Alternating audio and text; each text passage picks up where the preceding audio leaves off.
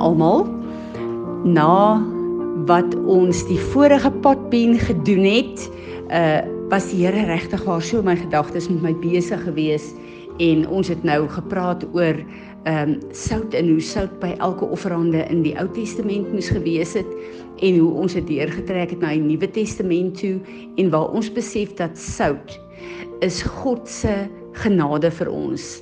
Sout is die grys van God wat ons hier op aarde help met ons mensheid en met ons swakheid en in die lewe waar ons onsself uh moet moet uh sy krag en autoriteit moet reinig en heilig sodat ons die getuienis kan wees in hierdie wêreld wat hy wil hê ons moet wees. En ehm um, ek wil vir julle sê dat wanneer ek kyk na die woord wat sê uh julle moet die sout van die aarde wees dan besef ek dat God se genade deur ons en ons keuses daarmee in ons optrede veroorsaak 'n getuienis wat God op die uh, aarde kan gebruik in mense se lewens. En dan kom daardie belangrike skrif van Openbaring uh, ek dink dit is 12 vers 11 maar kyk net 'n uh, 11 vers 12 kan dit wees waar hy sê uh, deur die woord van jou getuienis en die die bloed van die lam en die woord van jou getuienis kom mense tot redding.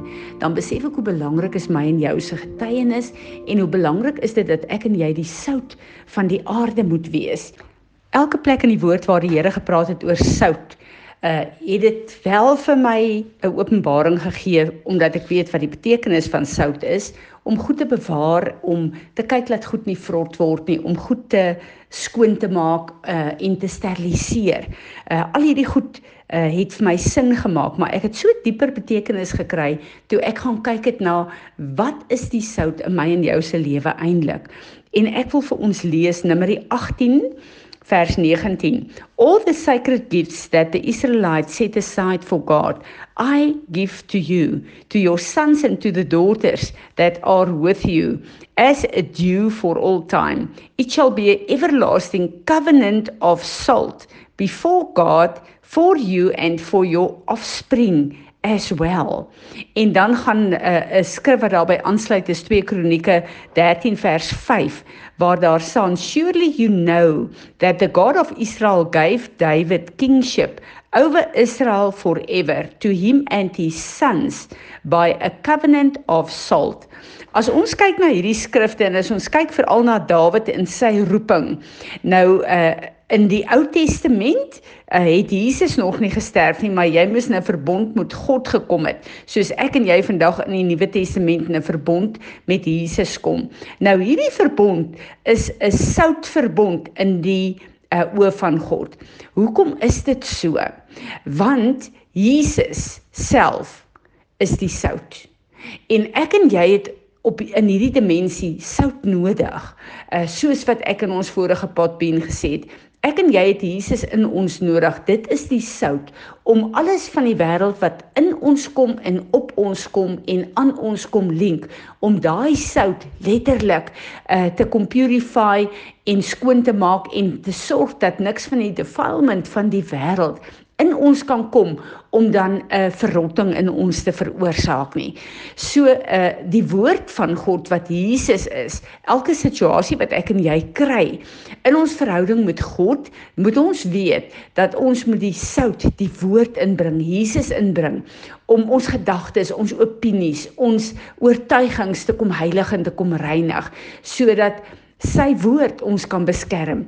Sy sout ons kan beskerm dat opinies en beginsels en persepsies van die wêreld nie in ons kan ingang vind om uh letterlik uh, soos die woord sê suurdeeg te word wat 'n klein korreltjie in ons val dan maak dan uh, maak dit ons hele liggaam later uh uh uh gevul met hierdie sonde nie want die suurdeeg vir vir uh, teenwoordig die sonde. So is die sout. Ek en jy het 'n soutverbond met God deur die bloed van Jesus Christus want ons het op aarde nodig dat hy en sy woord sorg dat ons veilig bly van al hierdie besmetting van die wêreld en dit gebeur deur hierdie soutverbond van ons. So as ons kyk na na die sout, dan weet ons dat hierdie sout wat die genade van Jesus Christus is Die genade van God is wat in my is. Hierdie sout is die die woord wat vir my dan uh, elke keer wys wanneer daar situasies in my lewe kom wat my kan besmet dan ehm uh, het ek hierdie sout en ek het 'n keuse gaan ek dit gehoorsaam of nie. So gaan ek toelaat dat die woord dit uit my uitwas of gaan ek dit embrace en dit deel maak van my lewe sodat dit die vermoë het om my te besmet en my weg te trek van God af. En dis altyd vir my wonderlik om in hierdie opsigte oefens in te bring, want dit is waarmee ek die meeste in my lewe gekonfronteer word op hierdie stadium. Wanneer iemand iets aan my doen, veral situasies waar die sisteme hier in Suid-Afrika so korrup is en jy dan onderwerp is aan die die korrupsie van hierdie sisteme en jy uh, iets gedoen moet kry en uh, goed werk nie eenvoudig nie. Dan dan is 'n mens so gefrustreerd, dan word jy kwaad.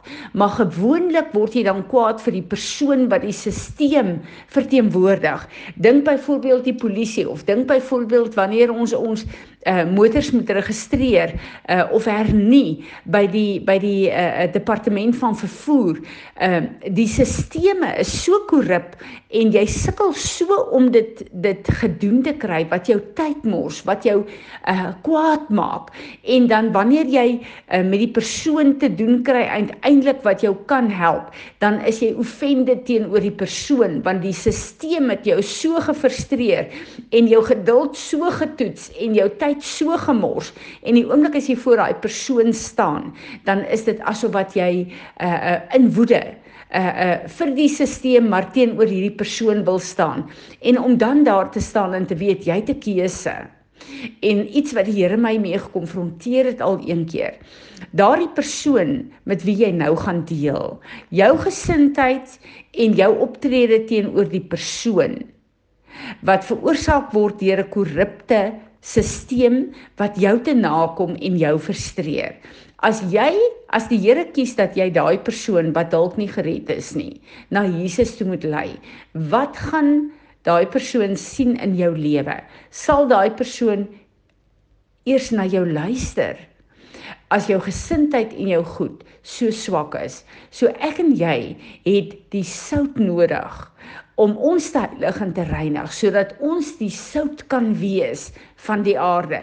En as ons kyk na hierdie stelsel wat ek nou as 'n voorbeeld genoem het, as ek en jy sout is, dan behoort ons letterlik die sout te gebruik en te release om die verval in hierdie persoon se lewe letterlik aan te spreek sodat daai persoon getrek kan word na Jesus in jou.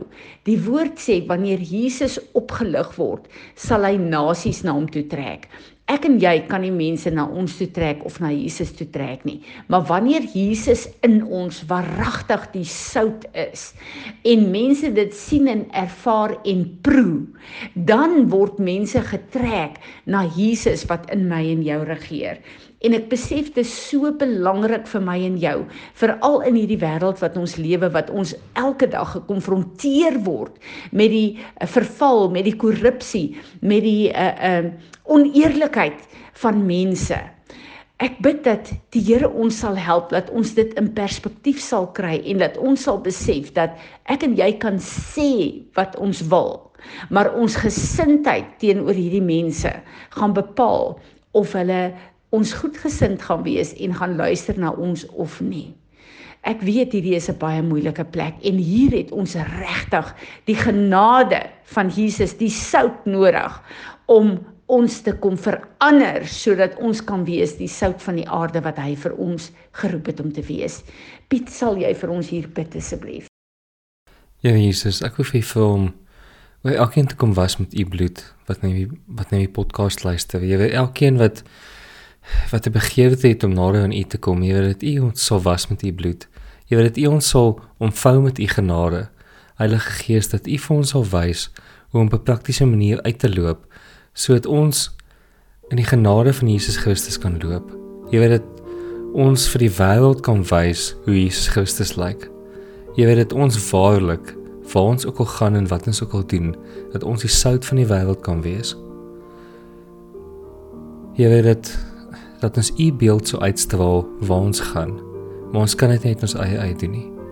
Jy weet dat u ons sal kom skoonmaak, dat u ons sal kom was en dat u ons sal kom help om dit wat u in ons ingebou het. Jy weet dit wat u in ons kom sit. Jy weet dat u vir ons die krag sal gee om dit uit te loop in elke dag se lewe daar buite.